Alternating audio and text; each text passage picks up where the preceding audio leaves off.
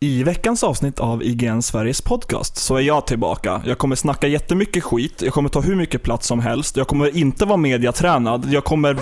I veckans avsnitt av IGN Sveriges podcast firar vi 20-årsjubileum med Playstation. Vi har spelat Bloodborne, The Order 1886, Tearaway Unfolded, Until Dawn och Captain Toad Treasure Tracker.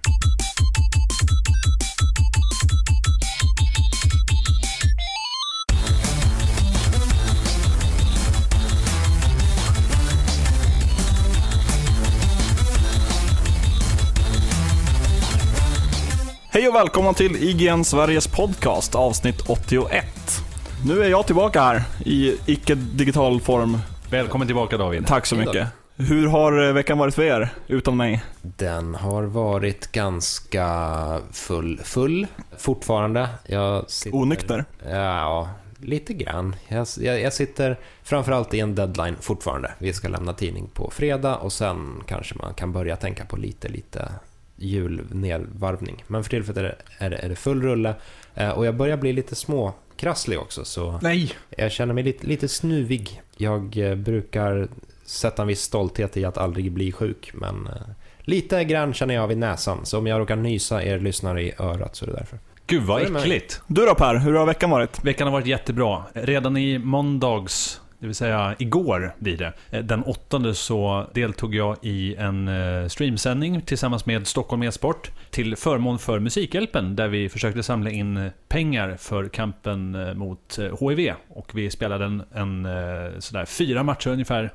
i Heroes of the Storm, vilket var jättekul. Så att eh, veckan har börjat bra kan jag säga. Den, den forna veckan minns jag inte. Jag minns att vi gjorde en, en podcast med en digital version av, av dig. Ja, det, det var väldigt underhållande att lyssna på. Jag var lite rädd för... Jag fick inte riktigt komma till tals känner jag. Speciellt i slutet där.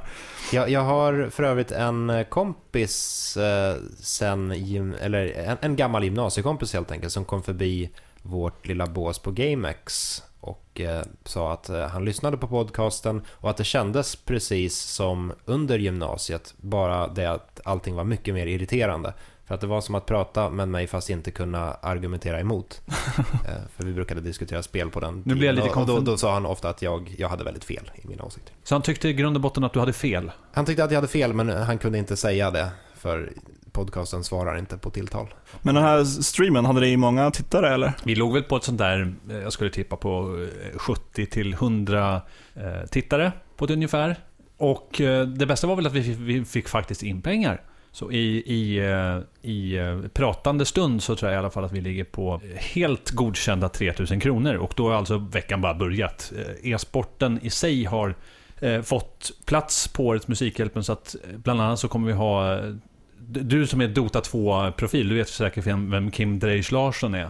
Ja, oh ja. Ja, han ska Gjorde ju en alltså- intervju med honom för IGN. Ja, bland han, har, gick in i, i Musikhjälpens bås i Uppsala i morse. Och nu Oj. så utannonserar de alltså, i, i skrivande stund, eh, pratande stund, så är alltså det här redan eh, avgjort tror jag. Men när vi pratar om det här så pågår alltså en budgivning om att få spela med de två svenska e-sportprofilerna i Alliance, eh, Loda och Acke. Just nu så ligger det alltså på 500 kronor för att spela med Loda och 600 kronor med Acke. Och de som vinner den här budgivningen får alltså vara med i en match med de här två profilerna i vardera lag och spela. Medans då Dreich eller Dreich kommenterar matchen. Det här låter ju jättekul. In och buda, du Ja. måste ha... Du har ett jobb, Ja, jag har ju det. du har pengar. Snart har jag inte pengar känns som. Slopa, slopa ölen och, och buda på Nu ska vi inte kampen mot HIV. vara sådana. Jag Ja. zonar bort totalt här. Jag är inte insatt i Dota, så... Är ni klara eller? Ja, det tror jag. Bra. Vi är klara. Ska vi dra lite kommentarer? Nej, jag skulle vilja att någon frågar mig hur min vecka har varit. Absolut. Här, här har jag varit borta och ni bara ignorerar mig. Kan vi inte ersätta honom med en digital David igen? Fan. Eh, Jag kan se att du mår bra, gissar jag på. Ja, jag mår bra idag. Förra veckan har varit väldigt stressig. Jag eh, sitter, som jag tror jag nämnt tidigare i podcasten, på en, en ny tjänst, eller början på det, på mitt jobb och har varit ensam med det hela förra veckan. Därför har jag inte kunnat lägga undan tid eller vara flexibel i mina tider. Det är därför kunde jag inte dyka upp i podcasten. På det så hade jag även en deadline för en recension på Captain Toad som publiceras i måndags på IGN. Och som du ska snacka om idag? Jag, som jag ska snacka om idag. Så det har varit en stressig vecka. Eh, igår måndag var en stressig dag. Idag har varit en stressig dag. Men eh, nu är jag glad att vara tillbaka. Välkommen tillbaka. Tack. Och ditt jobb verkar betala dig i tröjor. För du, du har alltid en ny mysig tröja på dig. Jag tror att det här är årets, årets mysigaste kofta som David kommer in med faktiskt. Den är otroligt mysig. kandidat, faktiskt. Ja. Dessutom med någon form av luva som om du skulle kunna dra den över så skulle det se ut som en... Jajamän. Det är lite Assassin's Creed över den. Nej. Nej, Eh, lite, lite jedi, lite sith. är inte det samma sak? Nej, det är det verkligen inte. Man, man vill liksom borra in näsan i den där tröjan och bara sniffa lite. Den luktar nog inte så gott. Nej, då låter jag bli. Ja, ska vi snacka nyheter? Nej, vi ska snacka om kommentarer. Jaha.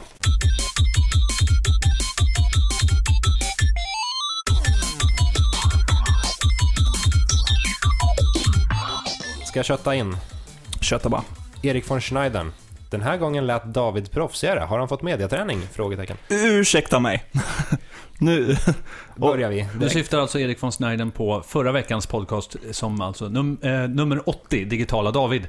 Och eh, jag håller med honom. Han, du gjorde ett stab, stabilt, stabilt inhopp. Ja, nej, de skick, skickade mig på mediaträning, men det gick inte så bra, så nu är jag tillbaka värre än någonsin. Så kan det gå ibland. Vi får se vad vi kan göra inför framtiden. Skit Erik. Arkont 1978 har kommit med en kommentar om eh, vår Star Wars-diskussion. Läs. För min del känns det som att ni inte nämnde det allra, allra viktigaste för om den kommande Star Wars-filmen blir bra eller dålig. Nämligen om det finns en historia att berätta. Sen måste jag säga att jag är impad av att ni lyckades prata Dark Forces utan att Per skulle nörda in sig på det ikoniska skriket som används när man faller så långt att man riskerar att dö av fallskada.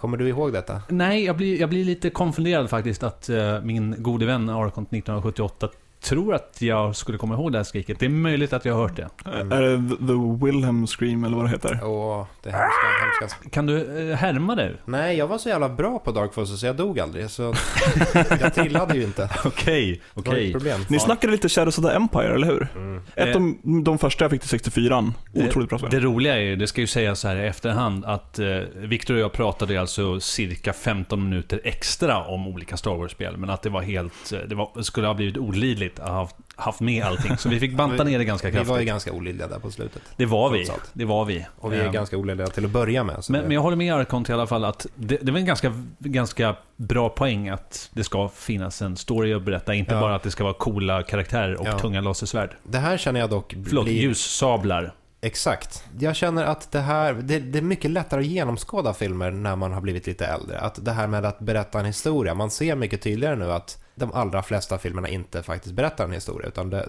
de har en väldigt förutsägbar story arc som kanske är, går över en film, kanske eventuellt sprids ut över en trilogi och så kan man förutspå ungefär vad som kommer hända. Och jag, eh, jag kan inte säga att jag hoppas på att, eh, att eh, Episod 7 kommer ha någon jättechockerande historia. Jag tror att den kommer bli ganska standard. Nästa kommentar kommer från MSX728 som är väldigt flitig kommenterare. Hej hej! En kvalitetspodd som vanligt. Man börjar bli lite bortskämd. Det vore kul och lite uppfriskande om ni lade ut ett riktigt katastrofavsnitt som innehåller uselt ljud, ointressanta ämnen där ni dessutom snör in helt, nej, på helt meningslösa sidospår. Kraftiga meningsskiljaktigheter där någon lämnar podden i vredesmod, någon äter semlor med öppen mun samt envisas med att hävda att, att alla spel skulle bli bättre om huvudkaraktären hade en tribal tatuering i ansiktet. Bra. Alltså väldigt välformulerad kommentar ändå. Skulle det kunna, kanske kunna gå att dra ner kvaliteten? Har du något eh, filter som skulle kunna smutsa sönder ljudet och trasa sönder det fullständigt? Så skulle jag Jajamän. kanske kunna dricka den här, eh, den här kolan samtidigt och så kan, kan ni gräla lite. Ska vi testa det? Vi kan, vi kan, vi kan pröva det. Ja, ja, om jag öppnar den här. Så. så dricker jag riktigt nära micken nu och så får du lägga på ett, ett riktigt elakt filter här. Varför har du inte tribal tatuering för? Lägg av.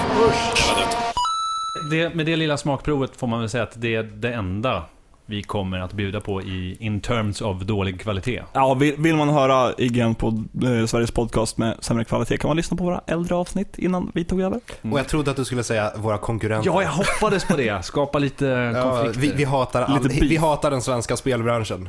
Fuck you! Nu gör vi det också. Hela bunten. Eh, Martin Gran eh, tweetar till Viktor Sjöström, det här är kul, varför folk alltid tweetar Viktor Sjöström specifikt. Viktor Sjöström, nu lade jag ut 27 kronor inklusive frakt på Star Wars Republic Commando, så nu hoppas jag att det är värt det. Nu, får jag, nu, nu blir jag lite nervös här. Ja. T- Tweetar folk inte dig Per?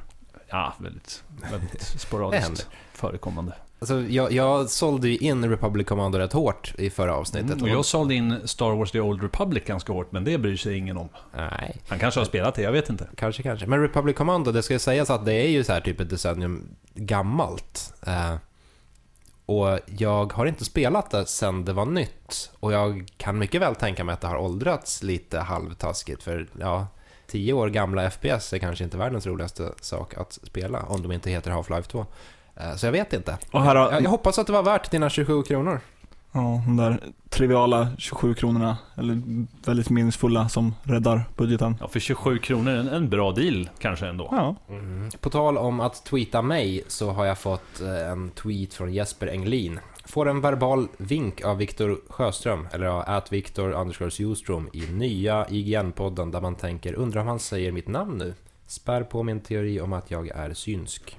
Är Jesper synsk? Ja, jag har ju jobbat med Jesper Englin och jag vet ju att han har vissa eh, psykiska krafter. I och med att han är en del av den svenska spelbranschen så hatar jag honom dock. Mm. ja, jag med. Han är ju lite av en klant. Han ser ingen vidare ut heller och eh, jag har alltid stört mig lite på det där fula leendet han har. Men synsk är han, så det ska han ha cred för. Mm, bra. Ja, Jag tar den sista. Kör! Det är någon som har- twittrat till både Viktor och Per. Yes. Eh, Adel, som skriver Den senaste podden var det roligaste och bästa på länge. Varför har ni ingen hashtag för programmet? Varför var det alltid roligt när jag inte är med? Jag får ju, Oj. lite, jag får ju lite Oj, oj. dåligt samvete när vi får sånt här och du är inte med. Eller du var ju faktiskt med. Ja, Du var med på ett hörn. Det, det ska sägas. Så att vi gjorde en bra podd, helt enkelt. Mm, mycket tack vare Och David. eh, som vi svarade Adel online på internet så är det något vi jobbar på. Vi, vi har konsulterat folk på högre nivå så vi, vi inväntar väl den här röda tråden eller vad det kallas. för. precis. Det är viktigt att lägga ihop rätt bokstäver i, i rätt ordning. Så Man måste ha korrläsning på det. man kan inte ha vilka bokstäver som helst. Snabbt sidospår här. Jag stod svart bälte i jutsu i somras. Och då ville jag ha ett bälte som det helt kort och gott stod VS på. Man får välja vad de ska brodera in i bältet. Jag fick tillbaka mitt bälte. Där stod det SV. De hade alltså två bokstäver på sig. De hade misslyckats med båda två. Ja, men det är, Jag inte, det är inte felaktigt. Alltså, Ska det bli vår nya hashtag, SV? Nej. Det är liksom Sjöström-Viktor. Det är fortfarande... Ja, men det blir helt bak och fram. Jag, jag vill inte. VS är ju coolt av alla andra anledningar. Precis, det blir lite versus-känsla också. Har, det var det jag har, hade du, har du på. fått fall. rätt bälte nu? Jag eller? fick skicka tillbaka det och, och skälla ut dem. Så gick det bra i slutändan ändå.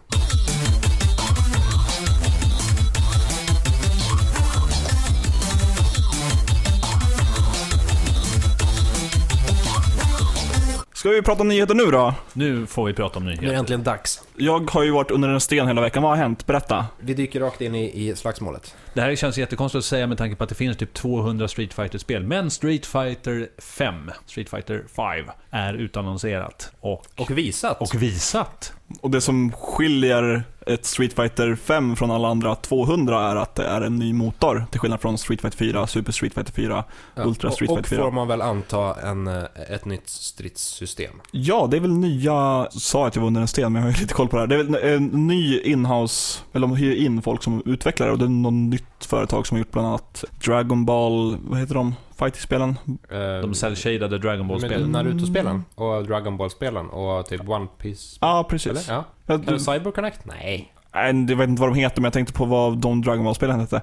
Men det är ju någon som inte har gjort Street Fighter förut, vad jag Eh, förstår. Framförallt, det kanske mest intressanta är ju att det här blir PS4 och PC-exklusivt. Ja, det är intressant. Snabbt då bara, eh, det som har visats är ju en kort, ja, det som än så länge har visats är en kortfilm när Ryu slåss mot Chun-Li och det ser ganska Street Fighter 4-aktigt ut. Det är alltså två, Ja. 2D-gameplay fast med 3D-grafik. Och det ska väl sägas att det kommer förmodligen visas mer av Street Fighter 4 ganska snart. Street Fighter 5. 5. Kanske så tidigt som nu i helgen. Men än så länge så ser det ju ganska mycket ut som Street Fighter 4 om jag ska vara ärlig. Men det fast, kände jag fast också. skarpare. På ett annat hörn. Ja, fast det är på tal om att det kommer till PS4 och PC, så på samma hörn. Det är ju väldigt intressant med tanke på hur fighting-spel såg ut under förra generationen, alltså 360 och PS3. För då var ju Capcom-spel som, ja, Street Fighter och Street Fighter Cross Tekken var ju bäst på 360. Utan medan Namco Bandai-spel var bättre på PS3. Och att de nu helt överger Xbox, det är intressant val. Ja, men det känns som att många spelare överger Xbox One också. Oh ja. Till förmån för PS4. Det, och, Utöver Thanksgiving-försäljningen. Då var det Ja, ju det. Xbox One som stor vann. Helt lottlösa blir dock inte Microsoft eftersom det kommer till PC. På ett annat hörn sa du Per. På, på ett annat hörn så i fightingspelsbranschen så utvecklas Tekken 7. Och det har varit lite, lite kritik kan man säga. De eh, utannonserade en Valder. ny karaktär. Jaha, ja. Viktor, du har koll på det här i detalj. Vad hette Mm. karaktären?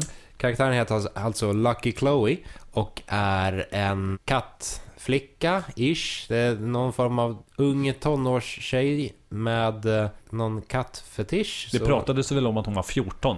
Hon är alltså utklädd till en katt, hon breakdansar och hon har en djup urringning. Och eh, det känns i allmänhet ganska sådär. Och är flintskallig och har långt skägg. Nej, det var Viktor.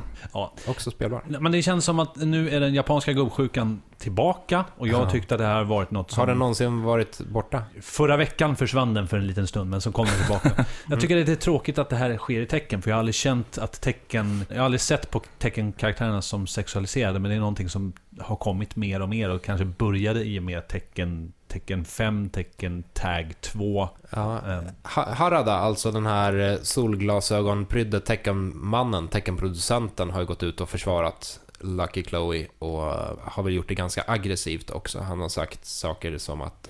Han gav något lite luddigt uttalande som... Jag, jag förstod aldrig riktigt om han, om han var sarkastisk eller om han, var, om han faktiskt menade det. Men han sa någonting om att eh, Lucky Chloe kommer strykas ur den amerikanska versionen. Lite för att typ amerikaner vill bara ha amerikansk design. De vill inte ha sån här cool japansk design som jag gör. Så hon är numera exklusiv för Asien och för Europa. ja, på, på det sättet så kan man ju tacka Harada faktiskt. Ja men, Men kan, av fel anledning. ja, men kan inte vi få bli av med henne också i så fall? Vi kan hoppas. karaktärer istället. Eh, Jag vet inte, det kanske lever kvar, kvar som en gammal tradition att bara prata om US, men Europa är väl ganska vana vid att få den, den amerikanska versionen. Ja. På tal om lite halv, halvdana saker så har ju Terminator Genesis-trailern också visats. Vad sägs om den ja. övergången?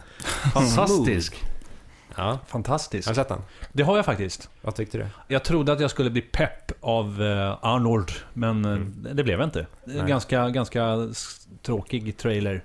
Det ser jättetråkig ut. Jag attraheras ju av det här att eh, de går tillbaka till Terminator 1 och berättar vissa händelser från Terminator 1 ur annan synvinkel. Typ när Kyle landar i gränden och blir jagad av en polis i början. Fast så visar det sig nu att polisen är en T-1000 istället. Eller att Arnold, den gamla, eh, Arnold den äldre modellen, nu möter Arnold den yngre modellen från 1984 eh, och så har de återskapat honom digitalt. De, de, de detaljerna tycker jag kan vara rätt kul, men jag har svårt att tänka mig att filmen i allmänhet skulle bli jättebra. Terminator överlag är ju det mest förvanskade varumärket som, som finns där ute egentligen. Ja, det kom två bra filmer. Det kom två bra filmer, möjligtvis... Eh, jag tycker Salvation... material. jag tycker Salvation är helt okej. fyran. Helt okej sidospår, Terminator Salvation, men jag tycker att det här med... De tror att det är väldigt tacksamt att använda tidsresan hela tiden, att det går i princip göra vad du vill med, med storyn. För att just nu så är eh, The Terminator Timeline så eh, strulig så att man egentligen inte längre bryr sig. Nej, och det är väl lite det Genesis, vilket för övrigt är en hemskt dålig undertitel, ska försöka rätta till genom att reboota den här timelinen. För att nu är det någon form av alternativ timeline där eh, de räddade Sarah Connor från den där första Terminatorn redan innan den hann attackera och, och så vidare. Jag tror att den här i bästa fall kommer bli en underhållande actionfilm, men den kommer inte bli en klassiker som ettan och tvåan var. Och så går det om Cameron hoppar av. Vi har en sista nyhet också. Och det rör eh, vårt favoritämne, Final Fantasy 7. Pers favoritämne, Final Fantasy 7. Ja, men jag är en, sån, jag är en tredjedel av den här podden. Så Du att, projicerar det på resten av oss. Viktor, du sitter på kontexten som vanligt. Jag är det. Ge lyssnarna kontexten. Mm. Det ska väl sägas att eh, Playstation, om vi ska backa bandet lite, så fyllde Playstation 20 år i förra veckan, den 3 december. Grattis Playstation! Grattis. Playstation, världens bästa konsol. Ja, nu ska vi inte vara såna, men Du, jag är en tredjedel av den här podden. ja, Super Nintendo, säger jag då. Eh, GameCube, färdiga. Oj! Eh, I vilket fall som helst då så, så höll Sony ett event i, i eh, helgen och där avslöjades det att eh, Final Fantasy 7 äntligen skulle komma till Playstation 4. Det är väldigt många personer som har längtat efter att se eh, Final Fantasy 7 till Playstation 4. Och det har varit många rykten om, eh, om att eh, under många års tid att det ska komma en cool remake som bara gör om spelet från grunden. Och så går alltså en Sony-man upp, eller vad säger jag, en, en Square-man upp på, på scenen och loggan, Final Fantasy 7-loggan visas bakom honom och så här, nu är det äntligen dags. Och så visar det sig att... Publiken är vild. Ja, publiken är, är i extas. Publiken står upp, publiken eh, håller på att explodera. Och så visar det sig då att när det är dags att avtäcka detta efterlängtade spel så är det alltså PC, en PC-portning, eller en, eh, en Playstation 4-portning av PC-versionen av Final Fantasy 7. Det vill säga, det är typ samma spel. Samma En upplösning, samma original. Ja, det är originalspelet fast nu till Playstation 4. Så du kan köpa det igen och köra det igen. Nej. Som, som det alltid har varit. Senast man kunde göra det var ju Playstation 3.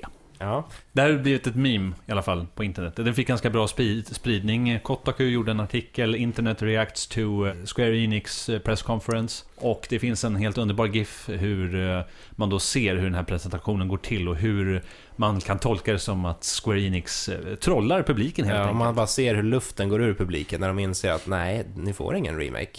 Och hur eh, Square Enix-presentatören då står och skrattar i Ja. sista framen. Skrattar de rakt i ansiktet. Påminner väldigt mycket om den här gamla, det här gamla memet med, eh, med männen i, i, i soffan som sitter och skriker exalterat på, på den första bilden och så sitter Precis, de och precis. ser helt nollställda ut på den andra. Och jag, jag kollade upp den här presentationsfilmen på YouTube för några dagar sedan och då låg den väl på, vad var det, 1000 likes och 8000 dislikes. Och det var, ja jag tror att det har gått, ja, det, har ökat på rätt rejält sen. Det är väldigt märkligt hur man kan missförstå sin publik så pass mycket och hela tiden göra sådana här. Man måste ju veta vad det här skapar för. Snacka om att övervärdera sitt, sitt eget varumärke. Sure, Final Fantasy 7 är ett fantastiskt spel. Men att porta det en gång till inför en, en eh, Extatisk. extatisk publik. Då får man skylla sig själv. Rätt åt Square och de förtjänar att dislikas på YouTube. Så in och dislika.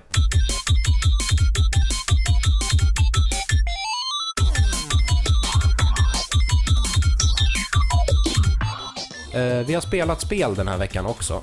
Bloodborne har jag spelat. Är ni peppade på Bloodborne? Nej. Nej, inte alls. Nej, ja då skiter vi väl det då.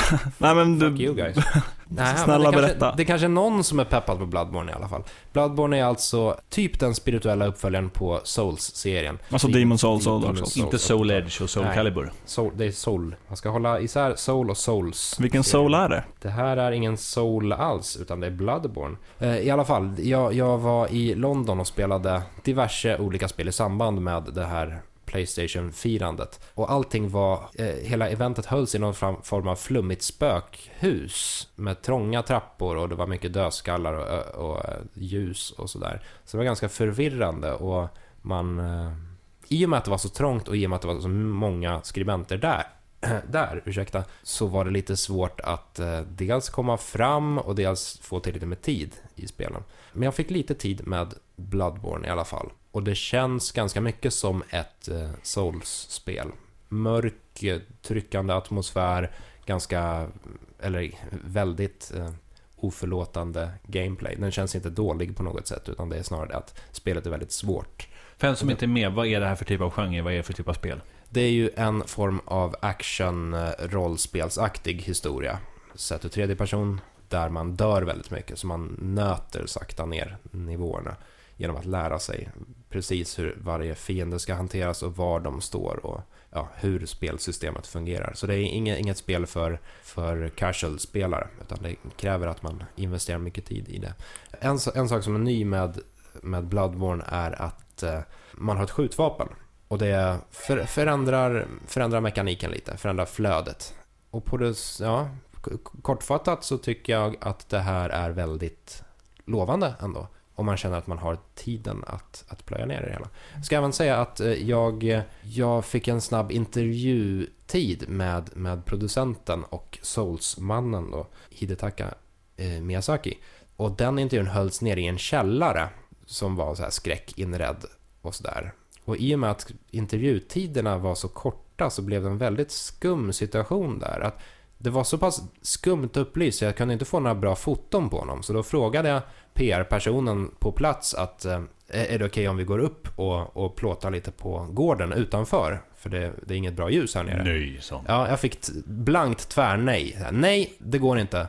Det- is not possible. Ja, den här slotten är, är eh, slut och vi måste ha in ny, nytt folk som kan snacka med honom. Och Hidetaka han ska till eh, flygplatsen sen snabbt för han ska flyga till Las Vegas. Du, försvinn härifrån. Och så fick jag gå upp eh, för trappan och då fick jag dra en luring istället och hoppa över, eller jag, jag, jag Ja, jag fick hoppa över lunchen helt enkelt och, och stå och campa utan, utanför byggnaden, lite som någon form av paparazzi. Och sen när, när intervjun var klar där nere i källaren och han kom upp för att dra till flygplatsen, då fick jag springa fram med kameran i högsta hugg, och så här, Fotodeska. typ. Och han typ, ah, ah så det.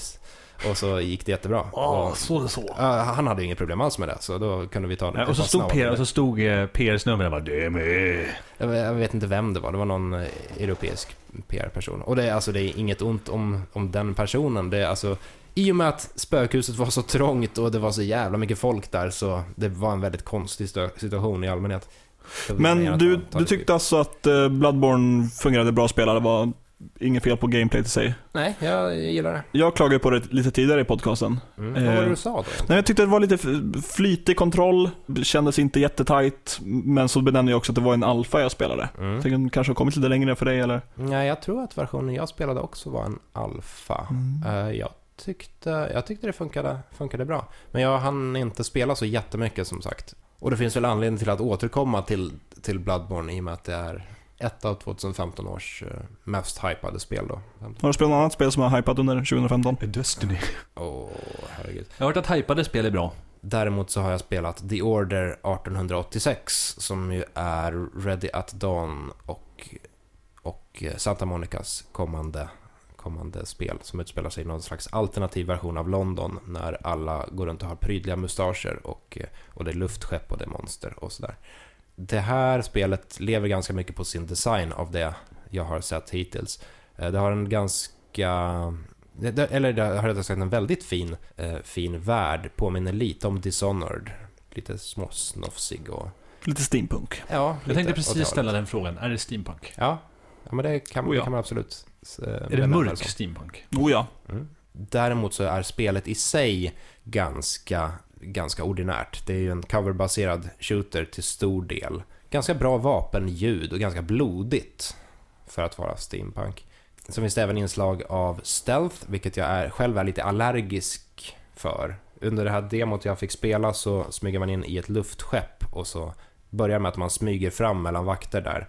Och i och med att luftskeppet är så trångt och eh, att man inte har någon radar eller något riktigt bra sätt att se exakt var vakterna är så blir det lite, det blir lite luddigt. Och jag, jag tycker att man ska vara väldigt försiktig med stealth-moment i, i spel som inte är stealth-spel. Det blir ofta pannkaka av det. Det här partiet var ganska kort och jag lyckades ta mig förbi det oskadd. Men jag snackade med en eh, skandinavisk kollega efteråt och han sa att han hade åkt fast och då hade han dött direkt. Så det var liksom instakill så fort man, så fort man blev fångad. Sen var det ett litet sniper, eh, eller en liten sniperdel när man skulle markera ut eller man skulle hitta rebeller som hade gömt sig i en grupp, en folksamling. Och enda sättet att hitta dem på var att se på deras axlar och notera att de inte hade några fastsydda emblem på sina uniformer. Och sen sköt man dem i huvudet. Och det var roligt. Bloodborne alltså? Nej. Nej. det var inte så, här, så intresserad. Så intresserad jag var. Zona ut. Eh, eh, Som jag med Dota. The Order Last Dawn, eller vad hette det? Va? Nej! Jag har ingen aning. Skärpning. Vad hette spelet? The Order 1886. Och på Davids 13-gradiga skala? så är det väl ändå kanske, jag, jag var inte så jättepeppad på, i förhand, men nu, framförallt designen tycker jag lyfter det här spelet. Så nu är det väl ändå en ganska stabil, kanske nia. På hype-mätaren, Ja. det här är ju inte en recension. Precis. Nej, nej, nej. Men uh, hypen ligger kanske på en 8 eller 9 på den 13-gradiga skalan. Den Ja. eminenta 13-gradiga skalan. Det som jag har sett mest fram emot i det här spelat-segmentet är eh, någonting som jag upptäckte häromdagen när jag läste eh, min eh, gode kollega Davids recension av spelet Captain Toad Treasure Hunter. Treasure Tracker till och med. Treasure Tracker. Rätt ska Spel- vara rätt. Speltitlar. Ja, det här är ett spel som vi försiktigt pratade lite om för några podcasts sen, men som nu finns på Det riktigt. var väl Ja. så att någon eh, efterfrågade Captain Toad Ja, i podcasten. Nu har vi äntligen kommit hit. Nu har vi alltså en livslevande person i studion som kan berätta om det här spelet är så pass bra som det såg ut. Svampexperten David Grundström. Ja, det är det. Nu går vi... Nej, eh, det är skitbra. Nämnde jag ju tidigare i podcasten också att jag har spelat och hade deadline förra veckan och hade var lite stressad inför den. Jag har spelat Captain Toad. Det är ett plattformsspel, pusselplattformer kanske man ska kalla det. Det, det, det är ju märkligt nog ett av Nintendos absolut största vinterspel. Om man ser på Om- Nintendos lineup här, här nu i vintern, då är det Smash Bros Ja, och Captain Toad. Det är det de lever på nu. Ja, och med all rätt. Captain Toad är ju då baserat på ja, Captain Toad Missions från Super Mario 3D 3D World, ja, som jag inte har spelat alls. Nej. Men eh, man är på en, en liten kvadratisk bana, eller olika kvadratiska nivåer då. Så går man runt med Toad med en spak och styr kameran med den andra. Vilket man ju gör i många spel, men det här spelet är en sån central funktion. För att man snurrar runt på den här eh, stora banan, eller och Ja. ganska Det lilla är väl så att man inte kan se allting Nej. från en vinkel. Utan Det kallas väl för isometrisk design? Ja, inte isometriskt typ som Diablo. Nej, okej. Det är ju inte låst till ett, ett enda perspektiv. Okej. utan man- Nej, precis. Men man, man tittar runt, hittar små hemliga gångar man kan gå, hittar något litet hål i väggen där man ser en liten diamant som man ska jaga sig fram till på något sätt. Mm. Eh. Dagens ledande fråga, kan man hoppa i Captain Toad? Man kan inte hoppa i Captain Toad, Oj. men det är ändå ett otroligt bra plattformsspel. Det är... Det är du. eh, Vad gör det bra? Vad som gör det bra? Ja, mer än plattform så är det faktiskt pussel. Eh, och det är, varje bana går ut på att du ska gå och hitta en stjärna.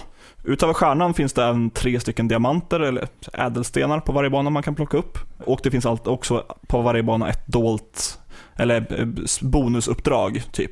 Bli in- inte upptäckt av Shy Guys eller hitta den gyllene svampen. Eller gå inte på bron så att den går sönder på en bana. När man börjar gå rakt fram så går bron sönder och då får man starta om den.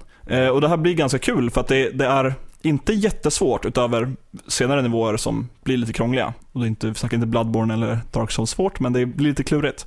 Eh, men överlag så blir det att man spelar en bana, man kanske tar alla diamanter och stjärnan, men man missade bonusobjektivet. Så då startar man om och kör igen det också för att 100% och 100% känns som det riktiga sättet att klara av spelet. Och det är väldigt involverande. Det låter som att det finns en spelbarhet i det här. En kvalitet eh, att spela om spelet. Ja, kanske inte så mycket att spela om det en vända och sen återvända och, köra igenom storyn igen för att man tyckte det var så bra. Utan det är mer att 100% att göra allt. Absolut. Mm. Det finns, utöver tre stycken böcker som då är huvudhandlingen, finns det även en bonusbok med lite större banor. Ofta många banor från just Super Mario World 3D. Eller Super Mario 3D World. Som de har ju då gjort om i Captain Toad-tappning. På förhand har det känts som att Captain Toad har varit lite av ett banalt spel. Är det Mm. det? Det får stå för dig. Ja, jag har tyckt, eller i alla fall, det har ju vuxit allt eftersom månaderna har gått. Men när det presenterades så tyckte, då satt jag och typ skrattade. Ja, så när det presenterades så var det ju i samband med ett Nintendo Direct. De pratade inte om det, de visade bara lite videos på en, en Toad med en lampa på huvudet som åkte i en minecart, mer eller mindre. Det Mm. var väl inte mycket mer. Nej, det är möjligt. Jag är såld direkt. Ja, Minecart ser fantastiskt. definitionen av ett bra spel. Det är ju någonting som är väldigt kul i det här spelet, just eh, när, det, Vad? när man kommer till minecarts som är den största variationen från den vanliga spelmekaniken om man går runt i ganska långsam fart och letar efter diamanter. Det finns det vissa banor där man kan hoppa in i en liten minecart, eller malm... Malmvagn. Nej, men det, Nej, gruvvagn. Nej jag, ja, kanske det också, men jag, jag gjorde en, en eh, Google Translate, eller en tyda på det, eller heter det Det här har jag också, vackert? det här har jag också gjort i samband med en Minecraft-artikel som Ja. jag har skrivit. Ja, det var någon typ malmvalp, äh, jag kommer inte ihåg. M- Malmvall. Det var någonting med hund. Ja, My något God. vackert ord. Ja. det. Men vilket... Föreställ er det vackraste ord av järn och ljud. Ja. Men, um, Ut, utöver Captain Toad då, vilket är det bästa spelet med en, med en malmvalp? Donkey Kong Country. Är det? ja, Resident Evil 4. Minecraft? Kanske? Fast, ja, det är ett bra spel, men... Men kom igen, Donkey Kong Country har en, ut, en utstuderad bana med... Där, Ja. där du alltså åker... Minecart Madness. Ja, det, du kan till och med namnet. ja. Ja.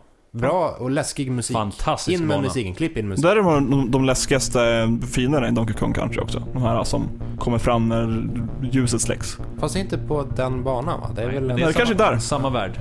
Luring. Ja. Half-Life 2 har ju gruvvagnar också. Så ofta, som ofta är byggda till fällor av något slag. Däremot World of Warcraft är ett spel som jag blir förbannad på, för där finns det nämligen eh, malmvagnsspår, men det finns inga malmvagnar.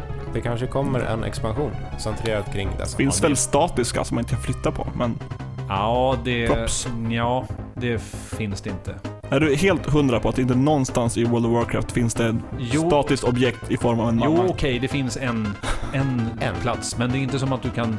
Koboltgruvorna Det- det- i början. Det är, ofta, human. det är ofta det finns vagnar, eller spår, Ja. i spel som dessutom är tomma. Jag tror till exempel Daisy, Day- Daisy eller DayZ, där finns det mycket spår. Men finns det ett tåg som faktiskt åker? Nej, det finns inga fordon i Daisy. Utöver i modden. Ja, sånt där gör mig tokig när de ställer ut, när de ställer ut järnvägsspår. Det finaste som finns Men i det kanske ska, ska de komma mest, de mest, fina- det, det, det, bland det fina, man, blir, man, blir, så sugen på att åka. Men Alltså, man ser ett järnvägsspår. dig, Vad går, vad går det här? Vad går det här, det här tåget? Du har ju flippat. Du... Är tåg så intressant? Tåg är sjukt intressant. Gillar du Train Simulator? Nej, det gör jag inte. Men det- det finns ju en barnslig fascination av eh, ja, men tåg generellt. Ta, talar du för Det- alla eller för dig Det nu enda Per? jag har tagit innan det här är glögg. Som förvisso Det var det. högprocentig. Men jag säger bara att eh, till spelutvecklare som lyssnar på den här podden. Lägg in några jävla tåg för en gångs Det jävla finns, skull. eh, det finns stor potential i att faktiskt lägga in riktiga objekt där du faktiskt kan åka med. På järnvägs... på, på, på, på spår. Definitionen av ett bra spel. Alltså ni, ni skrattar åt mig här, men Ett spel- jag ber lyssna, ge mig rätt det Ett spel som det finns gruvvagnar i, det är Captain Toad. På, det- ja, Och på vissa banor då som man kan hoppa in i och där finns det typ, inte rödbetor, men någon form av betor man kan kasta. Och då blir det helt plötsligt en on-rail shooter. Som inte är en kul genre, men det är väldigt kul i Captain Toad. Det är samma visa fortfarande, samla diamanter och hitta dolda objekt, objektiv. Men det är kul. Super Mario Bros 2 möter Time Crisis. Okej, Eller? Nej, jag vet jag har inte spelat Time Crisis. Men det Nej, lilla jag jag, spelar det, det, jag, jag såg igen att man spelade igenom någon bana där det fanns två lager av banan. En kubformad bana Mm. där du hade två nivåer kan man säga, en under vatten och en ovanpå. Som, Ja. som påverkade varandra på olika sätt. Och jag Mm. tyckte, jag tyckte framförallt det var, det var snyggt, eh, bra ljudeffekter och överlag såg det ut att vara en ganska kul bana. Där, där olika objekt samspel, det, det, det, det är bra samspel. Mm. Är det här är, är det här ett helhetsintryck? Det är ju väldigt, alltså, det är så pass många banor. Det är inte som att de har många stora världar. Vissa har väldigt bra samspel med olika objekt som interage- interagerar med varandra. Vissa är det bara att gå lite rakt fram och snurra på rätt ställe. Men absolut, till viss del. Men mest av allt är det bara en till. Mm. Jag vet inte hur mycket mer Captain Toad jag ska prata, men det är absolut I att, spelvärt. ja, i, och med, I och med att du faktiskt har recenserat det så kan du ju rakt av konvertera ditt eh, IGN-betyg till eh, ditt IGN Sveriges podcast-betyg. Mitt IGN-betyg var 8,5 av 10. Mm. Får jag räkna ut det på min räknare för- så vi får roliga decimaler? Ja, Absolut. nu Vänta, kan, vänta, kan du klippa in en, en drumroll på det här? Ja, det kan jag göra. Nu kommer alltså det officiella betyget på Captain Toad Treasure Tracker enligt den 13-gradiga skalan som IGN Sveriges podcast använder. 11,05. Men det, Jag hade hoppats på väldigt många decimaler, det blev ju det blev lite trist där. Men 05, det är, det är inte illa pinkat. nej, det är inte det. Jag har också spelat lite spel, eller lite ännu fler spel. Jag kan ta dem lite kort. Eh, Jag har kört Until Dawn också, som är ett eh, skräckspel gjort av Supermassive Games. Det började som ett Playstation 3-spel som var eh, designat för Move-kontrollerna, de här viftpinnarna som man använder. Men sen eh, har det nu flyttats över till PS4 som har inbyggd eh, rörelsekänslighet i kontrollen. Ehm, och eh, kortfattat kan man beskriva detta som en slags eh, 80-tals slasher skräckfilm fast ehm, kombinerat med typ eh, Heavy Rain eller Beyond eller Fahrenheit, alltså David Cage-aktiga typer av spel.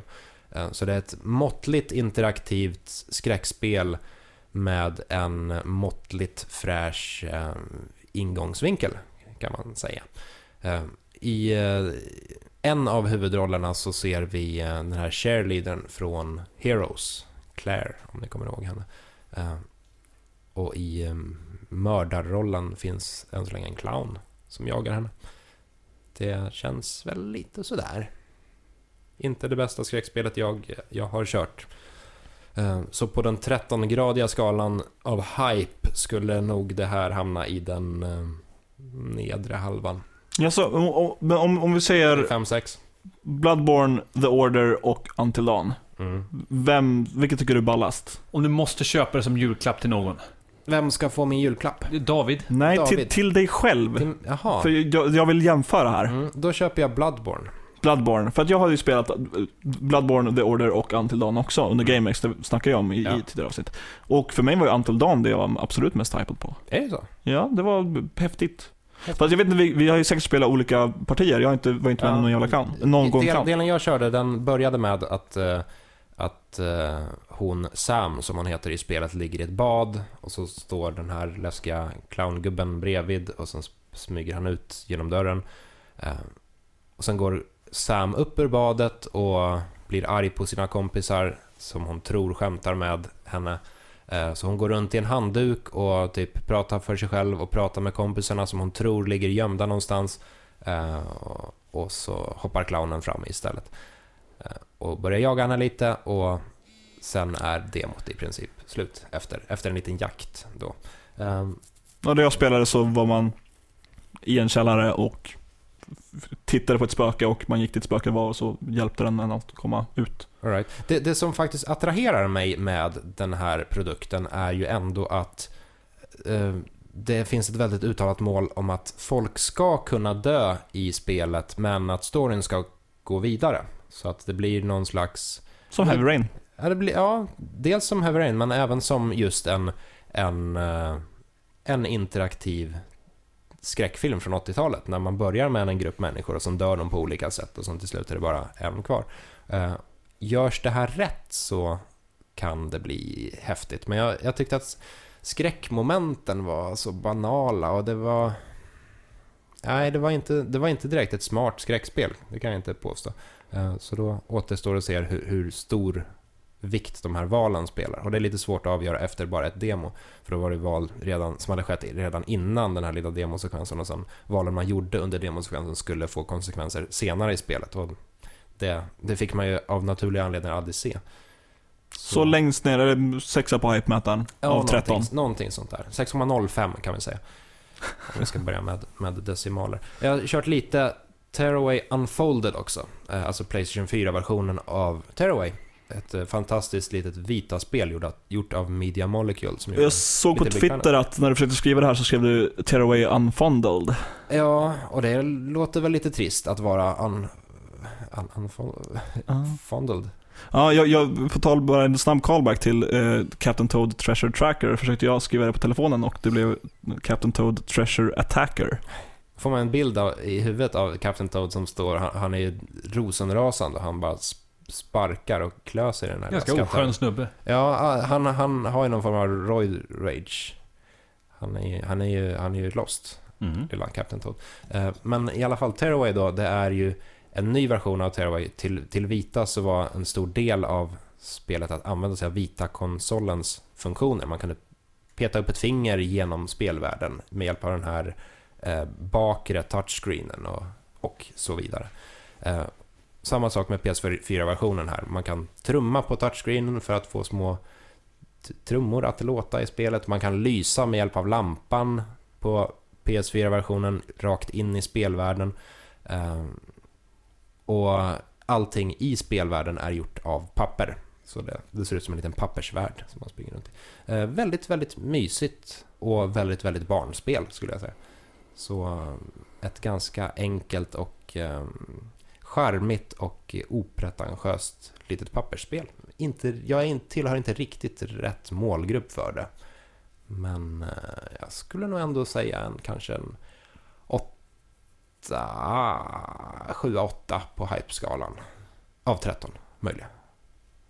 Mm. Det har jag spelat. Kul att ni frågar om jag har spelat någonting.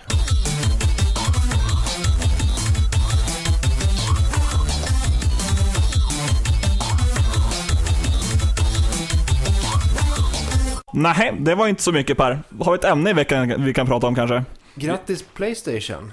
Ja, just det ja. Det är ju eh, redan sagt. ja. Vi hintade om, vi gjorde en liten cliffhanger i början som ni fick börja fundera på. Men vi har alltså Playstation fyller, hur mycket är det? Det är 20 år. 20 år.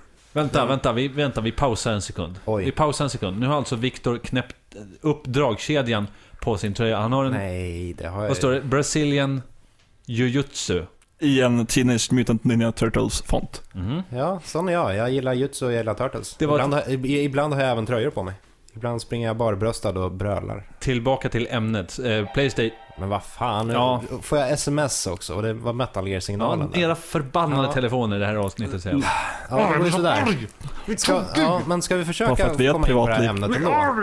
Vad hade vi för ämne? Vi hade eh. Playsta- Playstation, eh, ett Playstation-ämne. Ja, Så var det. Eh, Playstation fyller 20 år och eh, därmed så måste vi ju faktiskt gå igenom de här åren. 20 bästa... Nej. De 20 bästa Playstation-spelen ska vi inte ta. Nej, men vi kan i alla fall ta våra favoritspel i varje generation av Playstation. Mm. Det är jättekul. jättekul. Låter, låter det rimligt? tycker jag låter absolut. Eh, Playstation är eh, överlag min favoritkonsol. Du är konstig i huvudet. Det är jag inte alls. Du är konstig i huvudet. Ditt ansikte, ditt skägg också.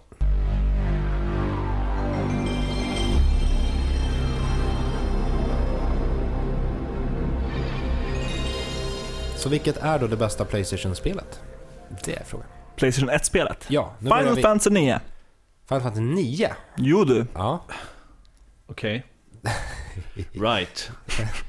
Hur- jag, Jag, jag känner lite Nej, nej, motstånd. Nej, inte alls. Jag ställer frågan. Hur tänkte du då? Jag, tänk, jag tänkte efter.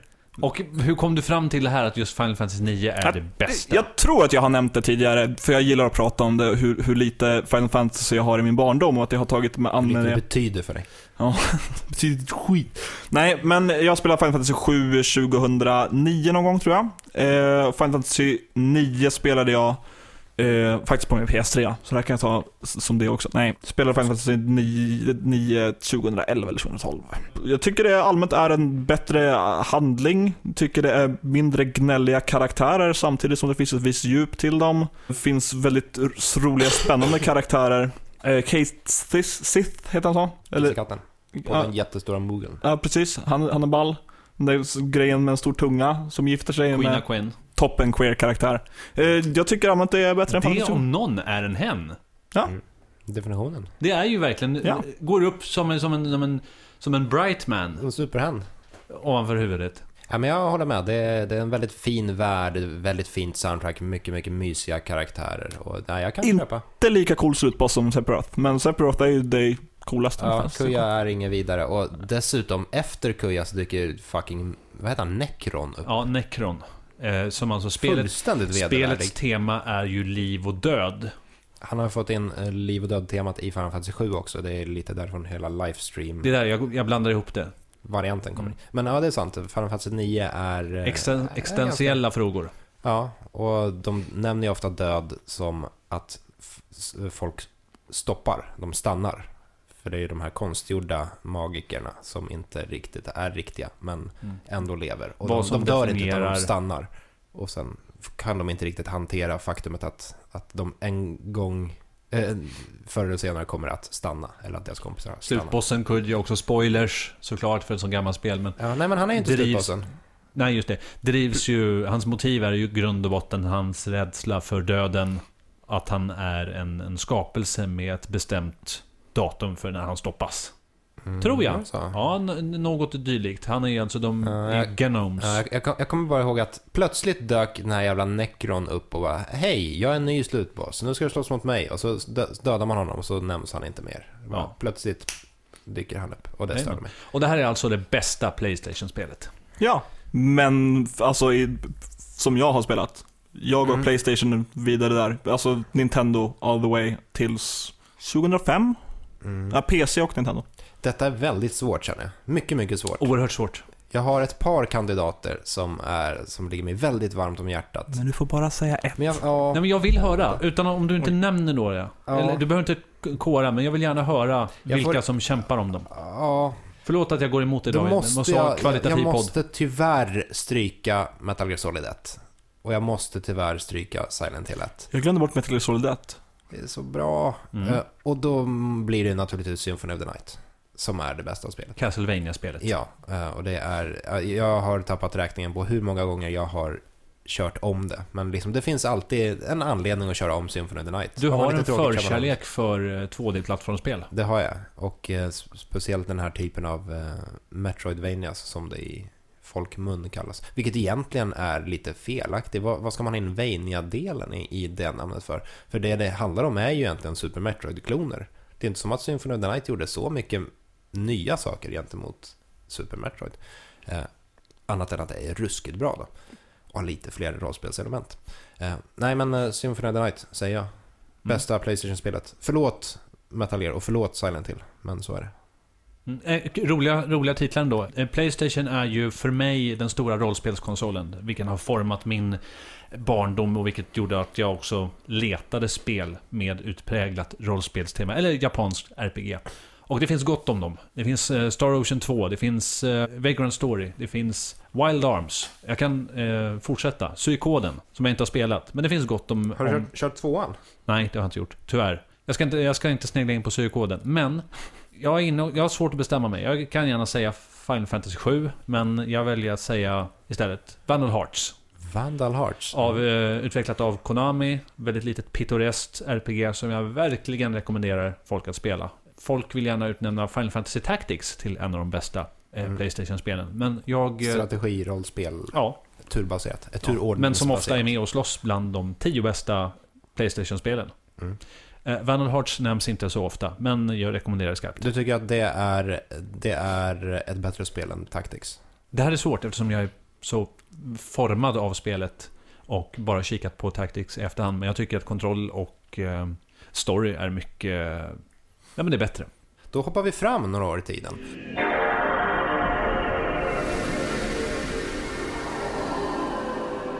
Och hamnar i Playstation. Två. År två, ja exakt. Kändes som du letade ett årtal där. Ja, jag, jag, jag, jag blev lite konfunderad. Jag funderade på, släppte, släpptes den 2001 eller 2000? Men det var 2000 Playstation 2 släpptes. Och blev ju en jättesuccé. Och krossade allt motstånd. Vilket är då det bästa Playstation 2 Har väl fortfarande spel som utvecklas till sig. Ja, det... Jag har för mig att de la ner det 2013. Okej. I alla fall. Nej, vem fin- Nej men är det inte ett, eh, Pro Evolution Soccer och Fifa fortfarande kommit till, till PS2? Är det inte så? Det... Eh, ja, jag vet inte. De har nog lagt ner... Då kanske det var hårdvaran som slutade tillverkas 2013. I alla fall. Sony har... Långt liv. Ja, absolut. Sony snackar ofta om sina tioårscykler, att en konsol ska ha ett, ett schysst liv i tio år. Eh, och därmed så är ju Playstation 3 fortfarande eh, aktiv. Den, det släpps ju spel till den också. Tillbaka då. Snabbt. Silent Hill 2. Nu är jag klar. God Hand. Jag, jag vet inte. Det, jag, jag äger så många spel till det här, så att jag vet inte. Du äger så många spel. Ja, jag säger Soul Calibur 2. Är det det bästa? Är det det bästa du har att komma med? Ja, Och du reagerar inte på God Hand? Är det så? Är det verkligen det? Ja. ja, men jag tycker det. Final Fantasy 10. Jag vet inte. Ja, Men du måste ju, du måste ju, du måste bestämma Soul. Calibur 2 säger jag. Jag säger Soul Calibur 2. Ja, då har vi alltså ett skräckspel, ett eh, märkligt, märkligt fightingspel Med otroligt bra soundtrack. i God Hand. Ja. Eh, just det, det har den här helt hysteriska Ja. låten. Är inte det, detta ett utmärkt tillfälle att klippa in God Hand-låten? Dragon kick your ass into the Milky Way. Bulbasaur. My arm, my arm, my arm, my arm, my arm, my arm, the summon of the powers of the God hand. Bra, Pallan. Vadå bra? Det här är som klipper in God Hand-låten. Ja, ja, ja, visst. Absolut. Och sen har vi slutligen då alltså Soul Calibur 2. Vilket, är det inte så att det anses vara typ det kanske bästa Soul Det, Calibur? det gör det definitivt och det har ju dessutom kommit i HD-version också. Av en anledning. Mm. Jättebra kontroll, snygg grafik. Jag tror att David sa fantastisk soundtrack när han syftade på Soul Calibur 2, vilket det är. Ett grymt soundtrack till Soul Calibur 2. Som sagt, just nu så, jag har inte jättemycket eftertanke, så det finns säkerligen bättre spel till Playstation 2. Men eh, Soul Calibur 2 är fortfarande ett fantastiskt Mycket, Playstation mycket, mycket, 2-spel. mycket bra spel. Dock tycker jag att Playstation 2-versionen är den tråkigaste eh, av de tre versionerna. Det släpptes ju även till Xbox när man fick Span som specialkaraktär. Det Fast- släpptes till GameCube som hade Link. Eh, Link. Och Mm. Heihachi som specialgubbe i Playstation 2-versionen tyckte jag var trist. Samt Todd McFarlanes eh, egenkomponerade skapelse Necrid. Mm.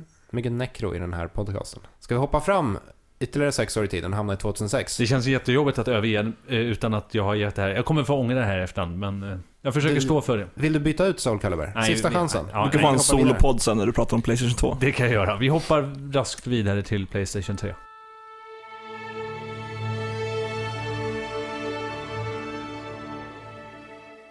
Playstation 3, 2006 släpptes den och eh, är vital än idag. Här blir det knepigt. Här blir det knepigt. Ja. Här vill jag inte börja. Nej. Det läste oss. Oj, Åh! där ja. Ja. Ja, ja, Där fällde jag omkull David.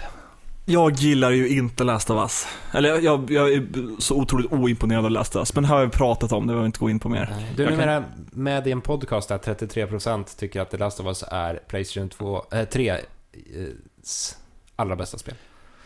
Känns bra. Men vi ger dig en möjlighet David att, att resa dig från den kommentaren och uh, utse Och en, igen. en mer värdig. Nu måste Mm. taktikrösta. Här kommer vi till den första Sony-konsolen som jag skaffade när det var aktuellt. Eh, och det är den jag har spelat mest av alla Sony-konsoler. Eh, bästa spelet är nog Valkyria Chronicles. Oj. Det finns ju till PC nu också men det har kommit nyligen. Men det är jättebra. Väldigt annorlunda. Ja, nej, Ja. jag var he- helt klart värdig eh, motståndare. Ja, nu måste du ju dock eh, go- eh, f- förklara dig. Försvarare. Vad heter det? Action-RPG? Nej, R- RPG, RTS, rollspels-RPG, där har vi det. Mm. Eh, där man spelar under typ andra världskriget i kontinenten Europa, alltså inte Europe, men det blir ju Europa. Så att det, eh, kommer inte ihåg vad alla faktioner heter, men det är en massa krig där och det är lite kommentarer på viss, en viss nation tycker inte om en viss folktyp med mörkt hår och svarta ögon. Och det görs många bra kommentarer där om man vill tänka på någon form av samhällskritik eller historiskt plan. Men sen är det också otroligt bra gameplay. Turordningsbaserat, springa vissa steg, skjuta, panga. Vet inte riktigt, alltså det finns många bra spel till Playstation 3 men Valkyria Chronicles är det spelet jag känner att jag var väldigt glad över att jag skaffade PS3 för. För annars var det typ Uncharted. Eh, Heavy Rain som är ett bra spel tycker jag också. Vad tycker Viktor? Det här är väldigt svårt. Portal är ett väldigt bra spel, men jag spelade det på PC. Så det hör inte hit. Nej, jag tycker inte... Jag ser det. Portal till Playstation 3. Ja, Okej. jag tänkte... Nej, alltså det är inte mitt val. Nej. Mass Effect-spelen var väldigt bra, men jag spelade dem på PC.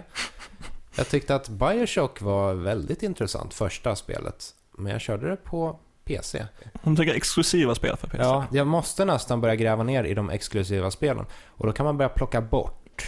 Jag tyckte ju inte om Beyond. Eh, Jag tyckte definitivt inte om Metal Gear Solid 4. Det har jag snackat väldigt mycket om i den här podcasten. Det är bara att gå tillbaka och lyssna på de tidigare 80 avsnitten så kommer jag Ja. säkert säga något ont om Metal Gear Solid 4 i Kanske varje avsnitt. specifikt i avsnittet spel vi älskar att hata. Jag tror att om jag ska ta ett exklusivt Playstation 4-spel. Nej, jag tar eh, Journey. Journey. Sandsimulatorn, Journey. Därför att det är, jag, jag gillar verkligen spel som, som är korta och koncisa, som verkligen inte drar ut på tiden, utan de förmedlar det de vill förmedla och sen spär de inte ut upplevelsen med, med massa onödig speltid som bara finns där för att låsa fast spelaren. Du vill inte ha spel som en 600-sidig roman, utan du vill ha som en liten pocketbok du kan ha på tåget. Eh, I alla fall om de försöker berätta någonting. Om det handlar om så här ren spelmekanik, till exempel säg Far Cry, så kan jag tycka att det är, då, då kan det vara kul om det finns mycket innehåll och man kan sätta sig ner och bara köra ett par Far Cry-uppdrag och så fortsätter man göra det över ett års tid. Men ska spel förmedla någon form av djupare känslor eller mm, ha någon fin liten berättelse eller någon story eller faktiskt försöka säga någonting, då, då tycker jag ofta att det är helt onödigt att dra ut på spel i fem timmar ens. Journey kan man klara på kanske en eller två timmar Mm. och ja, det är helt fantastiskt. Eh, har ni kört Journey? Faktiskt inte. Oj! Eh, Jag har alltid tänkt att jag skulle köpa det, men sen har jag spelat annat. Då är det ett spel att spela vid julen. Ja, och sen kan jag säga, David jag skojar jag bara. Jag tycker inte alls The Last of Us. Det sa jag bara för att provocera. Jag har inte spelat The Last of Us. Jag säger istället LA Noir och eh, Diablo 3. Nu blev jag lite Diablo lycklig 3. igen. Mm. Ja men jaha, oj vilken grej. Men du får ju bara säga ett. Okej, då, säger jag, då säger jag Diablo 3. PC-spelet nummer ett. Eh, Av två anledningar. Eh, Som jag sa i förra podden som vi pratade om, att eh, jag tycker att Diablo 3 gör sig jättebra på konsol. Och eh, två, jag har inte spelat så många spel till Playstation 3. Nej. Du borde spela Journey däremot. Eh, Det är, alltså, om man ska vara krass så är det lite av en promenadsimulator. Man går från punkt A till punkt B och det finns egentligen inga större faror i spelet. Utan det handlar mest om att vandra i, i maklig takt och uppleva miljöerna. Och vissla. Eh, precis, man, det finns en liten knapp som gör att man kan göra små lustiga läten. Eh, och sen kan man även möta andra spelare på vägen som också är små mystiska vandrare med långa, eh, eh, långa mantlar och kåpor och så där, som flyger fram i, i den här öknen. Och det enda sättet att kommunicera med dem är genom att göra, ge ifrån sig såna här små läten. Och de kan vara olika starka beroende på hur länge och hur hårt man trycker in knappen. Eh, och det, det går inte att liksom röstchatta med dem, så man behöver aldrig bli kallad för en för något jättefult av en, jag vet inte, tysk tolvåring. Utan man kan bara njuta av den här väldigt begränsande men samtidigt väldigt givande lilla kommunikationen. Och jag, hade, jag, jag stötte på en spelare som, som följde med mig den, hela den andra halvan av spelet. Och när vi tog oss genom slutet av spelet så då, då satt jag helt ensam i mitt rum och det var mitt i natten och jag satt och liksom flinade med hela ansiktet. Bara att det var så konstigt vackert.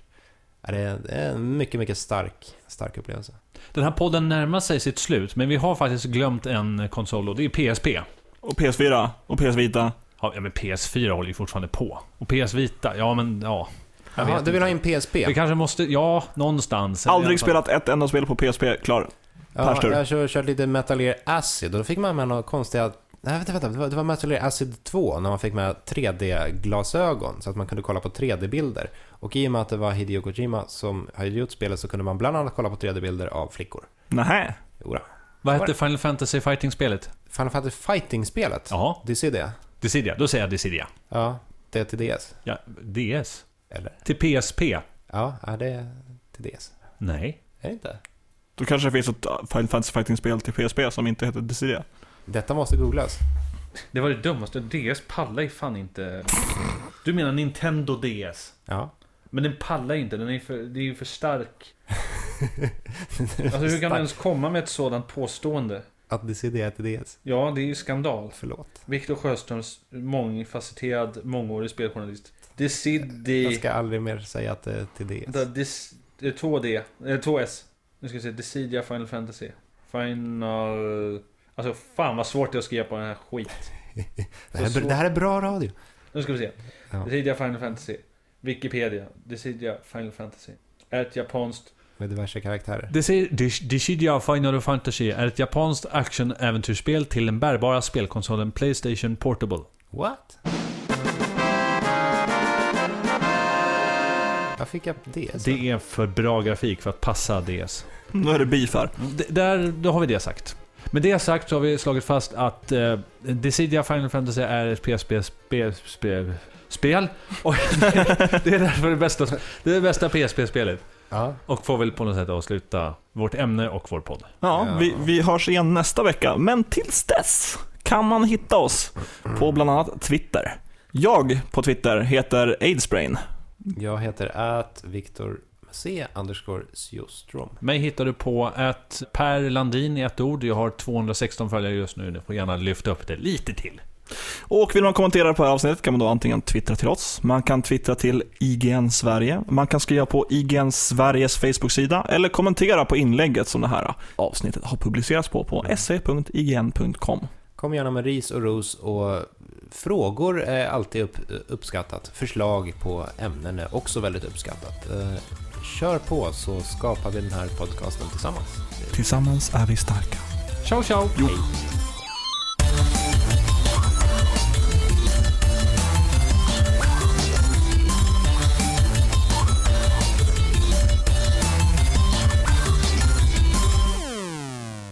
I veckans avsnitt av IGN Sveriges podcast firar vi 20-årsjubileum med Playstation. Vi har spelat... Vi har spelat Captain... Captain Toad Treasure. Det står på pappret. Captain Toad Ja, Treasure Tracker. Ja, men vart då någonstans? Underspelat. I veckans avsnitt av IGN Sveriges podcast pratar vi 20-årsjubileumet av Playstation. Vi pratar Bloodborne, Captain Toad, Treasure, Attacker. Vad fan har du spelat? Vi har spelat Bloodborne, Sony Computer Entertainment. Där. Då bryter jag här.